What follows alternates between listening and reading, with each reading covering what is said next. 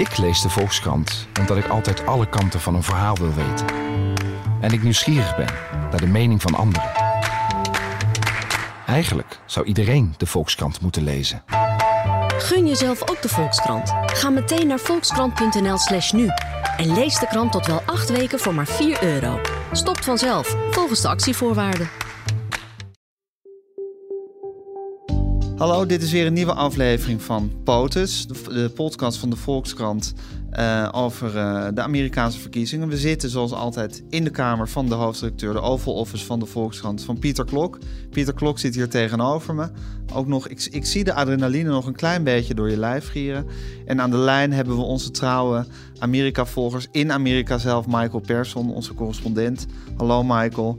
En uh, Natalie Wrighton, die ook in Amerika was en nu inmiddels weer terug is. Maar in quarantaine zit thuis, want dat moet als je uit Amerika bent gekomen. Dan moet je ja. tien dagen in quarantaine. Dus daar hou je je uh, keurig aan. Ja. Uh, laten we even de, de vorige aflevering die we maakten bestond eigenlijk uit twee delen. In de eerste zaten we nog in een soort high om zes uur ochtends. Toen eigenlijk de eerste uitslagen binnen uh, druppelden. En ja, eigenlijk toch alles of veel erop leek in ieder geval dat, uh, dat Donald Trump weer herkozen zou worden. Nou, dat draaide zich, dat kantelde geheel. Toen hebben we nog een tweede deel van diezelfde aflevering opgenomen om een uur of twaalf smiddags. Toen, uh, toen de pijlen weer steeds meer richting Joe Biden wees. Nou, en daarna zijn eigenlijk die krankzinnige afgelopen dagen gevolgd, waarin, uh, ja, waarin we ons hebben blind gestaard op uh, Pennsylvania en Georgia. laat ik om te beginnen aan jou vragen, Michael. Hoe heb jij de afgelopen dagen doorgebracht?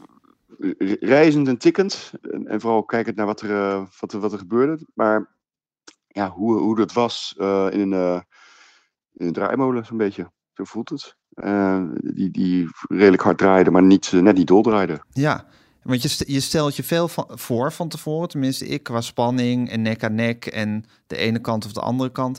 En toch, als dit dan eenmaal gebeurt, ja, ik, ik, ik raakte een soort gehypnotiseerd door die, door die procenten en die aantallen die de hele tijd je om de oren vlogen. Had jij dat ook?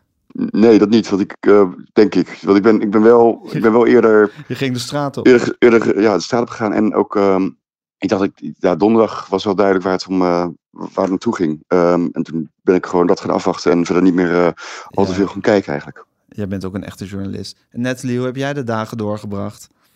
Nou, ik dacht de, volgende, de laatste keer dat wij elkaar spraken was inderdaad dat het nog leek alsof Trump uh, ging uh, winnen. En toen ging ik slapen in New York City en toen werd ik uh, wakker zoals de rest van Amerika met ineens een heel nieuwe realiteit. Dat ik dacht, wacht eens eventjes, volgens mij gaat Biden het toch ineens winnen. Dus dat was echt wel heel erg gek.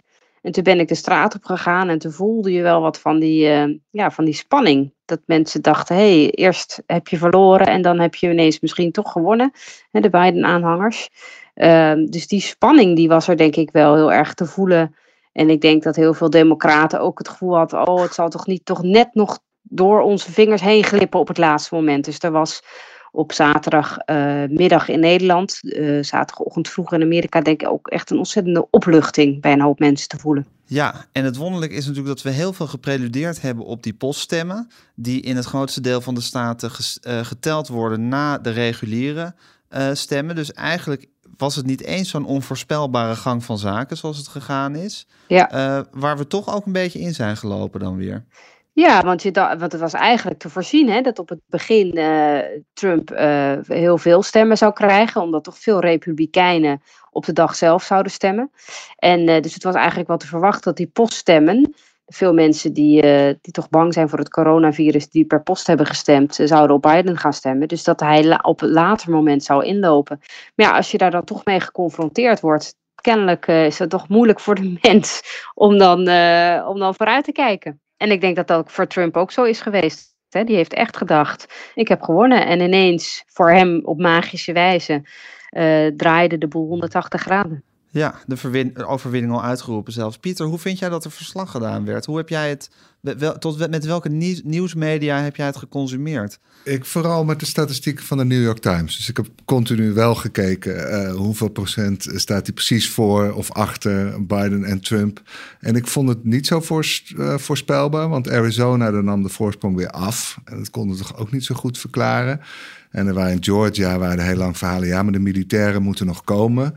Uh, dus ja, ik, ik, ik was er niet zo zeker van. En het was vooral onbekend terrein waar we ons uh, op bevonden, volgens mij. We waren hier nog nooit geweest met zoveel poststemmen. Dus dan weet je toch nooit helemaal zeker ja, hoe het gaat. Nee, en, en uh, ja, het leek wel als.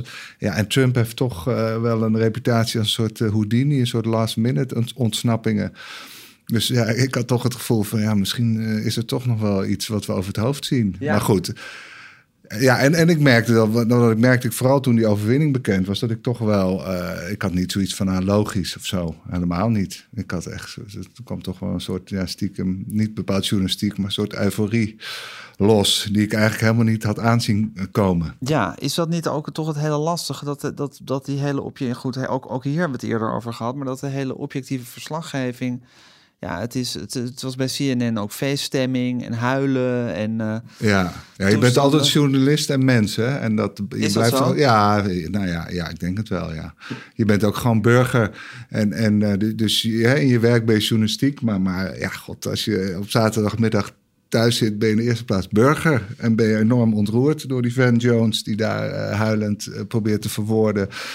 Uh, welk verstikkend klimaat Trump de afgelopen jaren in, in de VS had gecreëerd. en, en, en hoe bevrijd hij zich nu voelt. Ja, god, dan, dan schiet ik ook wel vol, ja. Michael, jij hebt er vier jaar ook met je neus bovenop gezeten. Op, het, op de Trump-administratie, op de regeerperiode van Trump. Voelde jij ook een bijna fysieke opluchting toen die ten einde was? Ja, nou ja, opluchting in de zin van uh, dat, dat het, werk leuker wordt, denk ik. Omdat je niet uh, de hele tijd meer achter Trump hoeft aan te lopen. Opluchting voor een deel, omdat ik weet dat heel veel mensen meer last zouden hebben gehad van een, uh, van een nieuwe Trump-regering dan van een nieuwe Biden-regering. En dat is, dat is een, ja, een soort van objectieve vaststelling. Als je uitgaat van het maximale geluk van zoveel mogelijk mensen, dan is de wereld beter af met, met Biden. Want de Trump-stemmers die denken dat ze daar last van hebben, die hebben daar natuurlijk geen last van, want die denken dat het een communist is. Nou, dat is niet zo, die vrees wordt niet bewaarheid. Terwijl aan de andere kant, uh, nou, als je gisteren de straat op gaat, uh, ging hier een uh, Latino-mensen in, de, in de ogen keek, ja, die waren niet alleen opgelucht, die waren gewoon, die zeiden ook echt tegen mij, als ik vroeg wat hun gevoel was, dan zei ik, ik voel me veiliger. En dat gold ook voor Joodse nazaten hier, die ook fysiek zich beter voelden dan, dan een dag eerder. Nu is het wel zo dus dat ja, dat ik denk dat, dat dat dus met ja, de mensen die ik hier ken, dat ik dat, dat gevoel dus kon, kon invoelen en daarmee dus ook een soort van opgelucht was. Maar ik denk ook dat de euforie minder is uh, geweest.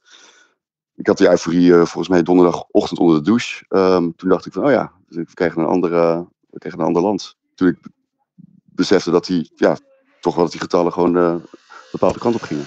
Ja, hoe, voelde jij het, Nathalie? Ben jij burger of ben je journalist als je dit allemaal doet? Want je, je hebt hier eerder aan tafel wel eens gezegd... het, het maakt mij geen bal uit of Trump of Biden het, uh, het wordt. Ja, nou, het is, het is voor mij natuurlijk iets anders uh, dan voor uh, Michael... die natuurlijk al vier, vijf jaar in dat land woont. Hè? Dus voor Michael is het ook dat zijn eigen land verandert.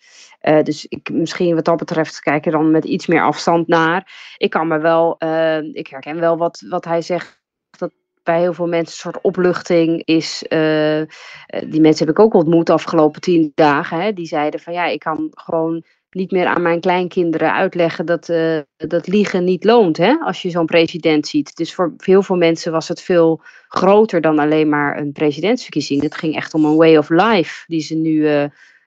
Ja, waar ze nu blij om zijn dat dat toch bewaarheid wordt. Hè? Dat eerlijkheid loont, dat liegen niet loont.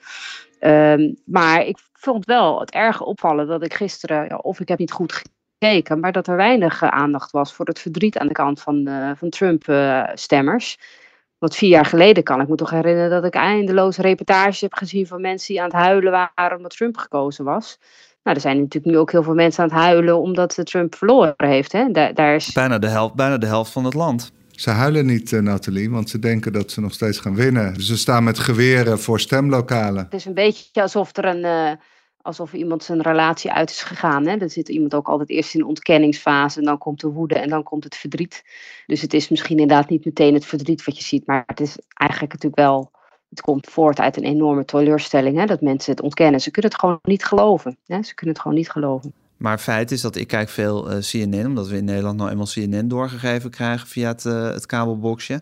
En uh, daar, is, daar, daar, daar wordt de euforie getoond de hele tijd. En daar zitten ze te huilen in de studio. Laten we heel even Even een fragmentje Van, Van Jones luisteren. Het was eigenlijk, ze zaten weer zoals, zoals eigenlijk dagenlang uh, over Pennsylvania te, te babbelen en op straatniveau dat te bekijken. En ineens stond Wolf Blitzer midden in de studio om aan te kondigen dat, dat, ze, dat ze Biden toch als president hadden uitgeroepen, projected. Um, dat was fascinerend. Daarna kwam er een ronde tafelgesprek waarin Van Jones, een van de commentatoren en oud uh, adviseur, geloof ik, van uh, Obama, ook het woord nam en uh, zeer geëmotioneerd raakte. Well, it's easier to be a parent this morning. It's easier to be a dad. It's easier. It's easier to tell your kids character matters.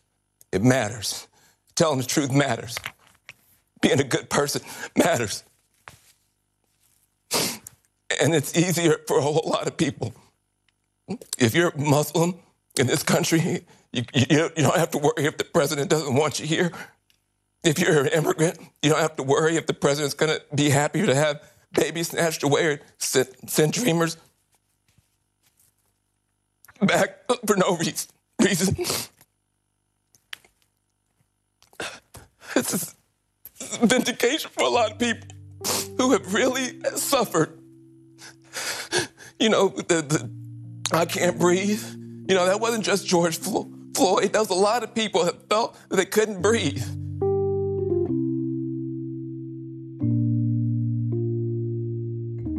Michael, dit is toch, dit is toch wel opmerkelijk uh, dat iemand uh, ja, op een nieuwszender zich zo uit? Of, of is, dat, is, het, is het volstrekt normaal, uh, legitiem en fantastisch? Nee, ik vind wat, wat CNN, hoe, hoe, die zich heeft laten gaan, vind ik echt heel bijzonder. En ehm, en ik denk ook dat uh, Van Jones, die, die is daar een soort, uh, die, ja, die is een soort weerhaan inderdaad ook geweest um, de afgelopen vier jaar. Dus daarvan is het uh, ook bijzonder dat hij, zich zo, dat hij degene was die zich zo liet gaan. Want hij is Wat bedoel je met een weerhaan? Nou, hij was degene die als eerste op de dag na de verkiezingen vier jaar geleden zei dat het, nou, dat hij, liet hij zijn, zijn woede en ongeloof zien. Hij was ook uh, iemand die uh, gaandeweg een soort adviseur van Donald Trump werd. En hem heeft geholpen met de zwarte stemmen te, te winnen. Die uh, werd daar, op een gegeven moment is een klein schandaaltje geweest. Toen hij eerst bij het Witte Huis was om daar nou, de president van advies te dienen.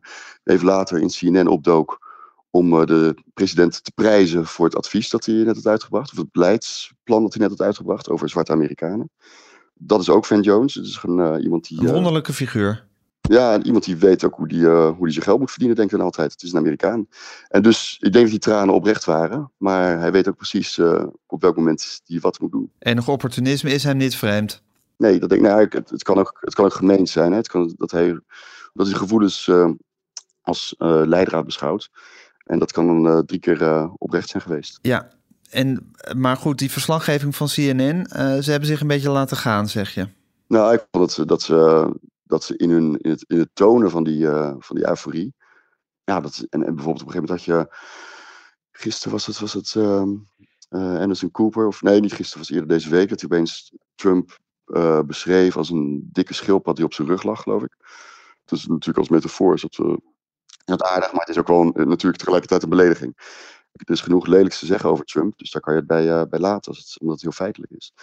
Dus daarin vond ik ze ja, opvallend nou, niet per se, het gaat niet per se over subjectief of objectief. Het gaat niet over neutraal of niet neutraal, maar het gaat meer over, over het gevoel dat ze dan lieten zien. Ja, emotioneel, eigenlijk opvallend emotioneel waren ze. Ja, ja, dat, is het. Dat is, dat is wel een bijzondere keuze, vond ik, ja. Nou, CNN natuurlijk wel enorm aangevallen de afgelopen jaren door uh, Trump, hè, als fake zeker, zeker, media. Ja. En, uh, dus het is, Absoluut. Ze, zijn, ook in die zijn, hoek, ze zijn ook in die hoek gedrongen eigenlijk. Door Express, ja, precies, precies. Ja, maar goed, dat neemt niet weg dat ze het inderdaad ook afgelopen week hoorde ik uh, een van de presentatoren zeggen: We staan voor, geloof ik. Ik neem aan dat het een verspreking was.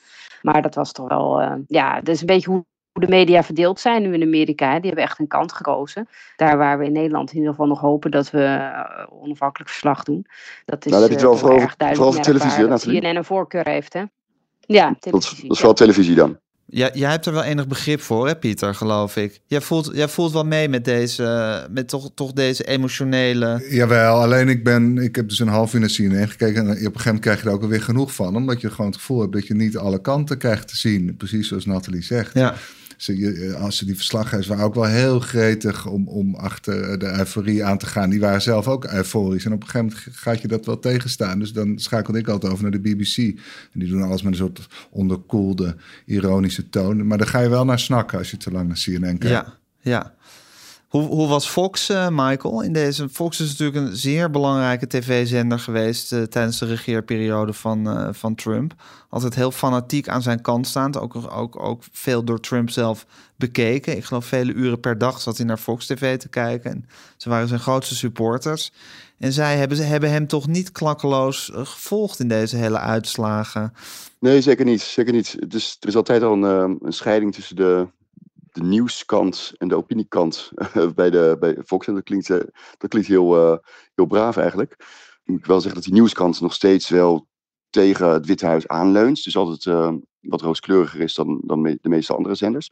Maar in dit geval waren ze juist heel rechtlijnig. Met, nou, geleid door hun eigen tellingen en hun eigen manier van tellen.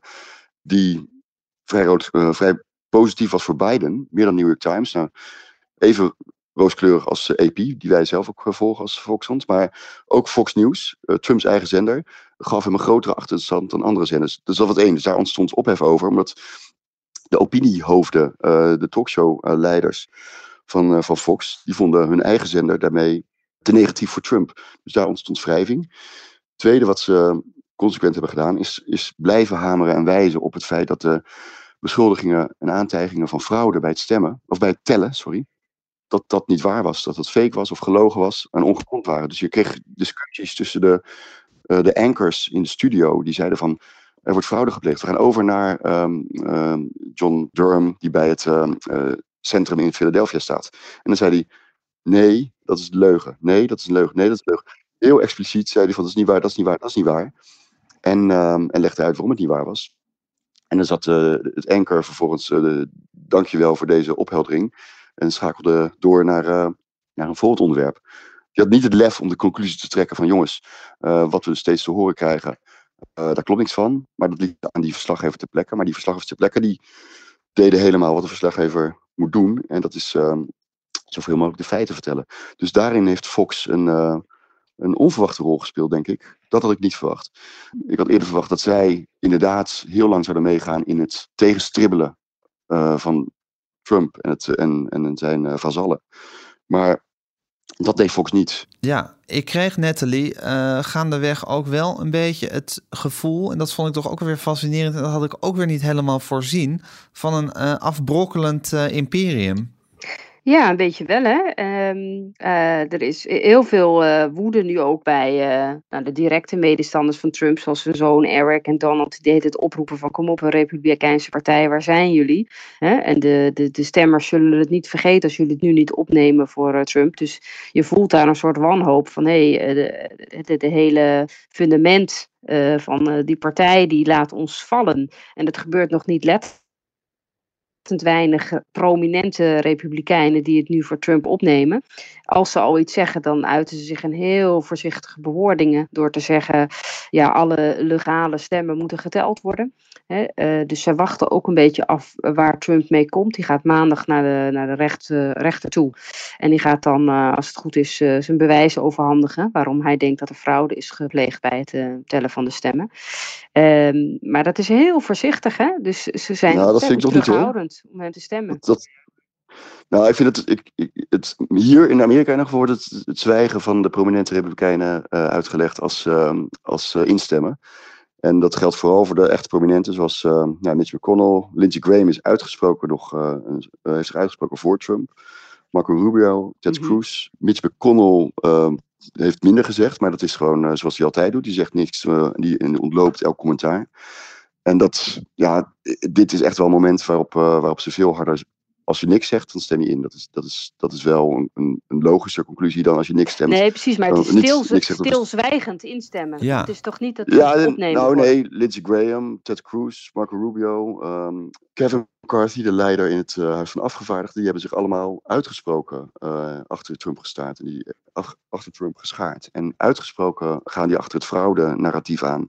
Dus ik, ik vind, nee, het is veel meer dan zwijgend, eh, tegen zwijgend instemmen. Het is echt eh, voor veel zelfs expliciet. En dat kan natuurlijk nog veranderen als ze zien dat, ehm, dat eh nou, over de dam, dan, zal het, dan zullen er meer komen. Hoe voel jij dat, Pieter? Hoe zie jij die, die, die partijpolitieke verschuivingen, dat gedrag? Ja, je hoopt dat ze op een gegeven moment gaan zien dat de keizer geen kleren aan heeft. En, en zoals die Giuliani voor dat tuincentrum, of wat was het, stond met zijn Hij persconferentie. was bij de verkeerde Four Seasons als hij gaan Ja, staan. en, en kijk, je ziet in één keer, kijk, allemaal dingen die waren vroeger absurd, maar toen hadden ze de macht. Dus t- t- t- toen klonk het nog een beetje. Maar nu, ja, ik zie ook vooral machteloosheid. Maar ik kan die Amerikaanse verhoudingen voor de rest heel slecht duiden. Dus ik volg Michael hierin. Eh, We, we weten het vooral niet. Maar, maar ik zie allemaal signalen. En ik kan me ook voorstellen dat het bij de, de, de achterban van Trump misschien op een gegeven moment ook wel doordringt. Van ja, hallo. Zelfs Fox zegt er dat er geen bewijzen zijn voor fraude. Moeten we dan wel op die trom blijven Ja. slaan? En zeker als het heel, heel veel staten zijn waar het zo misgaat. Als hij Georgia straks ook nog verliest. Ja, dan, dan wordt, het, wordt het toch een beetje zielig. En, en dan wordt hij de sore loser. En, eh, ja, en ik, ik weet niet hoe lang zijn achterban hem dan eh, blijft steunen. Maar dat is eigenlijk de vraag nu. Dat we aan de ene kant hebben Natalie die zegt... eh, er, wordt eigenlijk, er wordt eigenlijk vooral gezwegen en daarmee niet ingestemd. Of Michael die toch het gevoel heeft dat ze nog, dat ze nog flink achter hem gaan staan eigenlijk. De vraag is een beetje hoe dat, hoe dat ook door, door, door zich niet tegen hem uit te spreken... eh, ze, zullen nu, ze, zullen toch, ze zullen toch een kant op moeten. Nou, ze zitten ermee in hun maag. Kijk, Ja. Trump, Trump heeft 70 miljoen stemmen gehaald. Dus als je als Ted Cruz misschien over vier jaar eh, je kandidaat wil stellen... Kan of als Marco Rubio... Wil je, niet, wil je die 70 miljoen niet Ja. tegen je in het harnas jagen, lijkt me. Dus, dus elke potentiële kandidaat blijft zo lang mogelijk dat Trumpisme steunen... omdat het electoraal gewoon woest aantrekkelijk is. Trump heeft meer stemmen gehaald dan welke republikein ever. Ja. Kijk, wat ik bedoelde is ook een bepaalde voorzichtigheid. Dan kijk je bijvoorbeeld naar die staat Georgia, hè, waar nog veel om te doen zal zijn in januari, omdat er nog senatoren eh, gekozen moeten worden. Dan zie je dat een van die strijdende senatoren daar, die Kelly Loeffler, die uitzicht dan toch, ja, vind ik, redelijk voorzichtig. Door te zeggen van, ja, we moeten zorgen dat elke legale stem eh, eh, geteld wordt. En dan, daar staat tegenover dan een lokale congresvrouw, die Mar Marjorie Taylor Greene, die echt helemaal voluit voor Trump gaat. Hè. Je ziet echt een verschil, vind ik, in, die, eh, in die, de manier waarop zij eh, twitteren. Dus er zijn inderdaad wel een paar mensen die dan hè, vol voor hem gaan staan. Maar ja, goed, eh, misschien zie ik het verkeerd, maar ik had de, de, de, de indruk dat toch ook behoorlijk veel mensen zich erg terughoudend en stilletjes opstellen. Zo een beetje afwachtend van wat gaat er gebeuren. En dat vind ik in ieder geval niet dat een enorme blok wat altijd achter Trump stond. Dat is niet meer zo'n enorm blok, heb ik de indruk. In ieder geval niet zo luidruchtig als ze waren, vind jij? Nou goed, de tijd zal het een beetje leren hoe ze zich roeren. Het is natuurlijk sowieso fascinerend. Het is natuurlijk een partij die zich hoe dan ook eh, al eh, honderden jaren in een eh, democratisch bestel beweegt. En eh, Trump stelt zich nu natuurlijk volstrekt ondemocratisch op door op basis van niks te zeggen dat de verkiezingen niet kloppen, Nee, door nee, zichzelf, nee. Tot, tot, Hij door vindt zichzelf tot winnaar hij uit vindt, te roepen. Hij vindt zichzelf ultiem democratisch. Ja, hij vindt zichzelf ultiem Want democratisch. we moeten elke stem eh, precies nog eens even gaan controleren. Dat is om, juist om de nou, democratie en er, moest te gestopt, beschermen. en er moest gestopt worden met tellen. Ja, dat was niet zo sterk. maar in Arizona moesten ze doorgaan. Ja. Michael, met jou wel vinden gaan we even luisteren naar een stukje van de overwinningsspeech van Joe Biden. Natuurlijk. I pledge to be a president who seeks not to divide, but unify. Who, doesn't see red states and blue states, only sees the United States. And work with all my heart, with the confidence of the whole people, to win the confidence of all of you. And for that is what America, I believe, is about. It's about people. And that's what our administration will be all about. I sought this office to restore the soul of America, to rebuild the backbone of this nation, the middle class, and to make America respected around the world again. And to unite us here at home. It's the honor of my lifetime that so many millions of Americans have voted for that vision. And now, the work of making that vision is real. It's a task, the task of our time.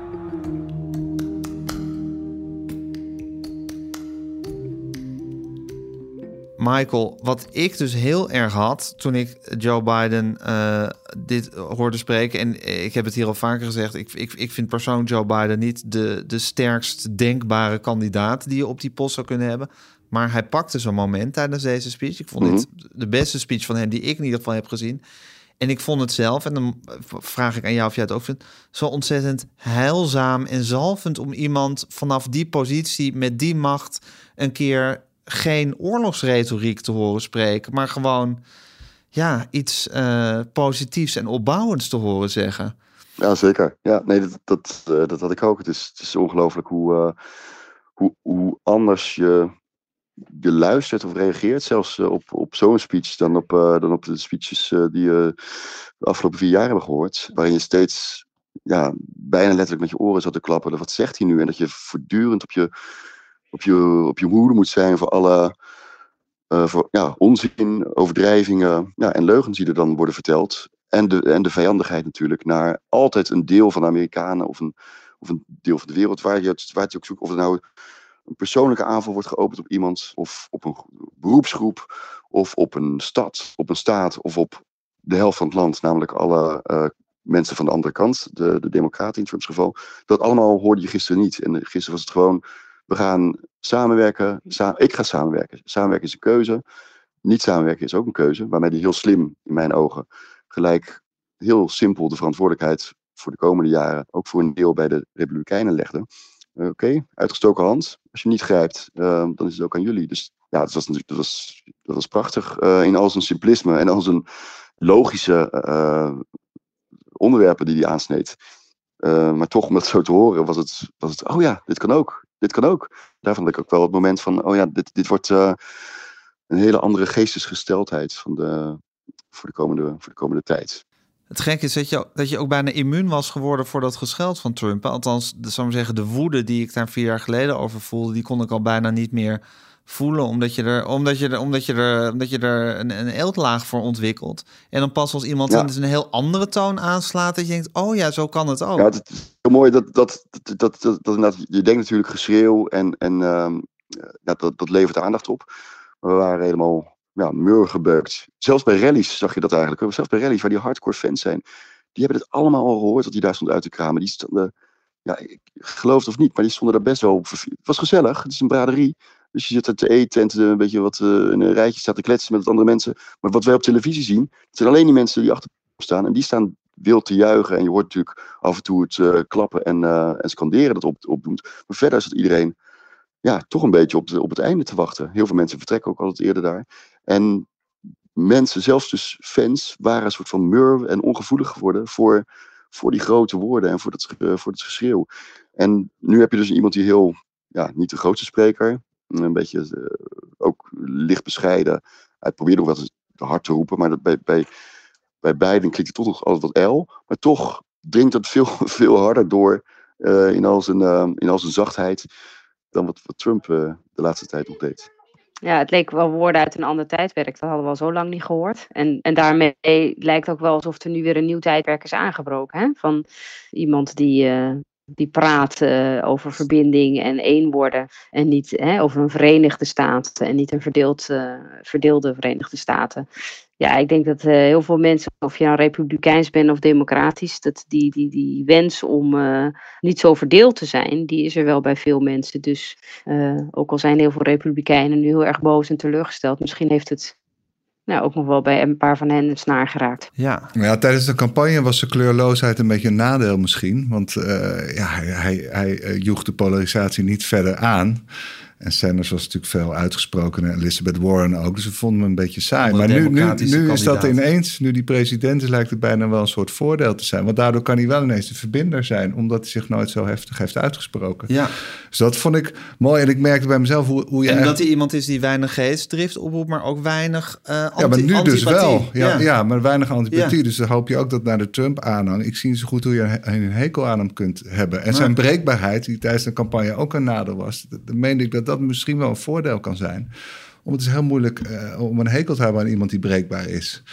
Uh, dus nou ja, misschien is hij wel de ideale uh, president voor dit moment. Ik was enorm enthousiast over zijn speech. Had hij toch heel knap gedaan. Ook overigens van Kamala Harris, die was ook heel knap. Die speech dacht ik ook, jezus, ja, intelligentie, dat kan ook gewoon. Je kan gewoon een intelligent verhaal houden.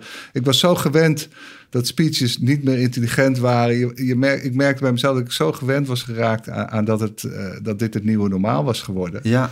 Uh, dat nu toch in één keer weer anders is, eigenlijk zoals vroeger. Dat ik dat als een. Ik had niet verwacht dat ik dat als zo'n verademing zou ervaren. Bizar, jongens, dat we dat meemaken.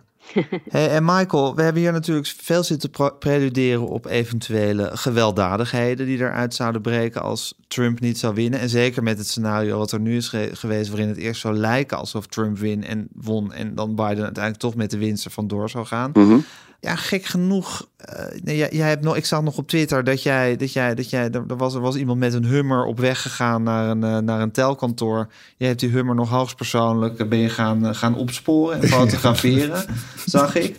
Maar het is... Het... Onze eigen inspector Clouseau. Precies, ja. onze eigen inspector Gadget op weg met zijn mobiele telefoon om de Hummer te zoeken. Ja. Maar uiteindelijk valt het geloof ik toch nog wel mee, hè, vooralsnog, met hoe de vlam in de pan slaat dat was inderdaad een uh, incident. Er zijn er meer, uh, meer geweest, uh, maar geen grote incidenten. Kijk, dat was misschien het grootste in potentie met gewapende mannen die een, een telcentrum wilden binnenvallen. met, met, zijn, met automatische wapens. Dat was wat er gebeurde. En dat zijn overigens eentje van het veelgenoemde QAnon, waar Nathalie ook over geschreven heeft. En de andere was een, een oprichter van een groepje Veterans for Trump, die ook nog in Trump Tower is geweest en uh, op rallies wel eens naar voren werd uh, gehaald en op het podium werd gezet. Ja, één, één op zijn minst één gestoorde en één uh, geconnecte Trump-aanhanger. dus het is een interessante combinatie. Nou, als die, als die een plan hadden gehad om daar gewapend binnen te vallen, dan Ja. weet je niet waar het geëindigd was. Dus dat was zo'n potentieel incident, maar volgens mij heeft de politie dat gewoon heel vroeg in de kiem gesmoord. In Philadelphia bleven de mensen achter een, achter een hekwerk staan en uh, bleef de botsing beperkt tussen wie, wie, heeft de hardste muziek om over de andere geluidsinstallatie heen te, te blazen. En, uh, dat waren de twee kampen daar. En dat valt allemaal best mee. Nu is het zo dat, uh, dat er nog twee maanden van niemandsland te gaan zijn tot inauguratie natuurlijk in januari. Dat is natuurlijk woest fascinerend hoe dat gaat. Ja, de, de dynamiek lijkt vooralsnog niet zo dat incidenten die er zeker zullen ontstaan, denk ik, maar dat die vervolgens escaleren. En dat, dat er een actie, actie reactie komt. Pieter, wat, wij net, wat, jij net eigenlijk ook al aanstipte, is dat dat, dat, zou maar zeggen, dat hele opgeblazen wangedrag van Trump ook ineens zoveel machtelozer lijkt nu die dit verlies aan zijn broek heeft, uh, heeft gekregen. Ja, als je de macht niet meer hebt, wordt het in één keer zielig. Ja, uh, waar het vroeger intimiderend en angstaanjagend was, is het ja. nu ineens een beetje sneu geworden. Ja, nou ja, ik weet niet of alle Amerikanen dat ook zo zien. Maar, maar ja, nou, nogmaals, die, die scène voor het tuincentrum had dat heel erg. Uh, ze dachten volgens mij ja, dat ze een chic hotel Four had. Seasons hotel zouden gaan, maar het bleek een Four Seasons tuincentrum Ja. te zijn waar ze hun persconferentie Naast een pornowinkel of zo. Ja. Dus het was, het was allemaal heel treurig. Dus ja, dat- is een beetje bij Trump. Ik denk nog steeds, misschien volgt nu wel het totale demasqué. Eh, ik wil nu ook wel dat we een verhaal gaan maken over hoe staat zijn bedrijf er eigenlijk bij. Want als er één bedrijf onder corona leidt, dan moet het zijn bedrijf wel zijn met al die hotels en, en de golfbanen. Ja, dus misschien eh, klampt hij zich ook vast aan, aan- het presidentschap, omdat hij gewoon geen andere keuze heeft. Misschien heeft hij wel niet echt een terugvalscenario. Hè? Ja. Deutsche Bank heeft al aangekondigd dat ze geld gaan opeisen. Dus het kan ook gewoon pure wanhoop zijn bij die man. Maar goed, wanhoop is gevaarlijk. Dan eh, kun, je rare dingen doen. Ja, maar is het, wordt, het- wordt het een, een spartelende vis of wordt het een, wordt het een, wordt het een, een, eh, een woedende tiran? Dat is een, een van de twee. Ja, en dat Ja. beeld van een spartelende vis, dat is Heb natuurlijk veel indrukwekkender. En dan zelfs misschien krijgen die Proud Boys ook een beetje dat gevoel van, ja, Ja, het wordt hem niet meer echt. Ja. Eh, het ziet er nou wel Moeten we heel hier zielig uit. achteraan Ja. Maar goed, dat kun je niet voorspellen. Nee. Want je, alles eh, om die man kun je niet voorspellen. Dus, Nee. dus dit ook niet, denk Hoe ik. voorzie jij dat, Natalie, die komende maanden... dat hij als verliezer nog in dat Witte Huis zit... en dat, en dat ambt nog draagt... en dan die macht over zal moeten dragen? Ik kan me daar eerlijk gezegd ook helemaal niks bij voorstellen... fysiek, hoe dat zal moeten gebeuren. Het is gewoon heel erg afwachten hoe hij gaat eh, reageren richting zijn achterban. Hè. Afgelopen week nog, eh, toen eh, kregen alle mensen die ooit zich hadden ingeschreven op zijn website voor informatie, inclusief ikzelf, kregen we nog mailtjes hè, van de, the fight must go on and it's time to fight back. Hè. Nou, dat kan je natuurlijk op meerdere manieren uitleggen. Hè. Letterlijk vechten of juridisch vechten. Hij heeft natuurlijk wel het vermogen gehad om ontzettend veel mensen op de been te brengen. Dus als hij op een, een of andere manier toch uh, ja, uh, zijn woede uh, laat, laat overheersen en mensen oproept om de straat op te gaan, dan kan het denk ik alsnog wel de vlam in de pan slaan. maar vooralsnog ziet het er rustig uit. En daar zien overigens republikeinen, sommige republikeinen ook weer een, een complot in. Ik zag een van zijn zoons die twitterde 70 miljoen boze republikeinen en nergens een stad die brandt. Hè? En uh, misschien hebben gewoon uh, Antifa en uh, Black Lives Matter beweging wel gewoon geld gekregen om nu rustig te blijven. Nou ja, goed, het, het gaat natuurlijk alle kanten op met die theorieën. Maar ehm, ja, het is, wel, het is wel opvallend dat het rustig blijft. Terwijl toch een hoop mensen iets anders hadden gedacht. Hè? Ja, ja, het is toch ook wel weer heel geruststellend dat je over alles een complot kan verzinnen. Ja, zeker. Ja, zeker. ja, terwijl Ja. je kan zo gek niet verzinnen of je kan er een complot omheen verzinnen. Ja, Michael, zie jij voor je hoe, hoe Trump op een eh, eerzame manier op het Witte Huis bij zo'n bij die zo'n ding zo die, die de macht aan Joe Biden zal overdragen? Ik kan me daar helemaal niks bij voorstellen. Toch? Nee, ik ook niet. Nee. Nee.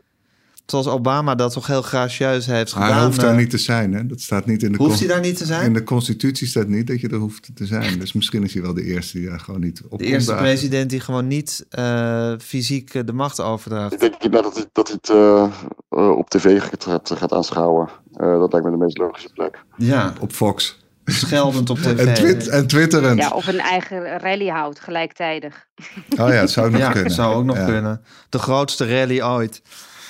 Nou ja, jongens, het zijn, het zijn krankzinnige dagen geweest, hè? Met een. eh, met, met, met toch zonder dat we, dat we partijdig hoeven te zijn, maar eh, we, hebben- we hebben toch alle vier eh, gevoeld hoe, hoe prettig het kan zijn als iemand gewoon aardige woorden spreekt vanaf het Ja, spreekgestoel en- de- en niet staat te, te schelden en te tieren. Het is toch ook ongelooflijk wat er is gebeurd. Want, want het, het dubbeltje is net een andere kant op Ja. gevallen. Hè? Want ik bedoel, eh, Het was Razor's Edge. het was echt op Ja. een nippertje. En dan zo'n ingrijpend, eh, zo'n ingrijpende beslissing eh, voor de machtigste man ter wereld. Dus het is wel heel groots en bijzonder wat hier is gebeurd. Ja, En ook wel hoopvol, mag ik dan als burger daaraan toevoegen. Ja, dat mag je als burger zeker. Michael, wat ga je doen vandaag? Ik ga vandaag eh, even kijken hoe de, hoe, de, hoe de stad erbij zit en even plannen maken voor de volgende week. En, eh, en een analyse schrijven. Ik denk even tas uitpakken en dan klaarmaken voor de volgende reis. ja. Hoe is je, hoe is je gemoedstoestand? Wat is, wat is mijn gemoedstoestand? Eh, eh, overzichtelijk, denk ik. Eh, we hebben natuurlijk maanden toegewerkt naar, die, naar de verkiezingen. En dan eh, zit je steeds met, eh, met scenario's in je hoofd en probeert het hele grote land te vatten in, ehm, in al zijn mogelijke verhalen. Met die uitslag, eh, nou, die, die, die min of meer is, is, dat, is het allemaal wat overzichtelijker geworden. Dus je nog eigenlijk één, één kamp waar je politiek de aandacht op moet richten. Ik bedoel, de stemmers, eh, wat Nathalie al zei, dat, dat, blijft. En de beweging van Trump, die blijft bestaan. Ja, dat gaat nog heel veel verhalen opleveren, ook de komende eh, weken, maanden, jaren. Maar politiek is het even, ja, hoeft, hoeft, hoeft er niet zoveel aandacht op Washington te worden gericht. Op die, op die verkiezingen die toch wel zo inefficiënt zijn in, in, in de aandacht die ze opzuigen. Dat je dan niet meer toekomt aan, eh, of minder toekomt aan niet-politieke verhalen. Dus ik ben, ben, ben blij dat dat weer eh, aanstaande is. Ja, dat je weer doorgaat met het echte leven. Ja, ja in ieder geval als, eh, als journalist, ja. Oké. Ja. Nou jongens, heel erg hartelijk bedankt. Eh, Pieter, bedankt voor je gastvrijheid. Eh Nathalie en, eh, en Michael, bedankt voor eh, jullie toegewijde verhalen. Ik denk dat er vast nog wel een nieuwe aflevering van POTUS komt. Ik weet eigenlijk niet precies wanneer, want eh, de... Als Trump toch de- nog president wordt. De als, de, als de uitslagen toch nog allemaal vals bleken te zijn en weer omgedraaid worden, gaan we gewoon weer lustig door. Nou, en, en eh, Gijs, Ja. Gijs, ik denk dat we ook nog wel eh, wat aandacht eh, gaan besteden aan wat de plannen van Biden Zeker. zijn. Hè? En wat eh, de wereld gaat merken van president Biden. En hoe ons leven eventueel daardoor zal veranderen. En de eerste plannen die hij gaat uitvoeren in eigen land natuurlijk. Dus wat dat betreft valt er nog wel een hoop te bespiegelen. En de komende weken, eh, de, de laatste weken van het presidentschap van, eh, van Trump, vind ik, ook, eh, vind ik persoonlijk ook heel, heel interessant. Dus daar gaan we het nog over hebben. Ik weet nog niet wanneer de volgende aflevering precies online gaat staan. Maar dat merken jullie vanzelf. Oké, dank jullie wel, Nathalie, Michael en Pieter. Ja, bedankt. gedaan. Tot de volgende. Hoi, hoi.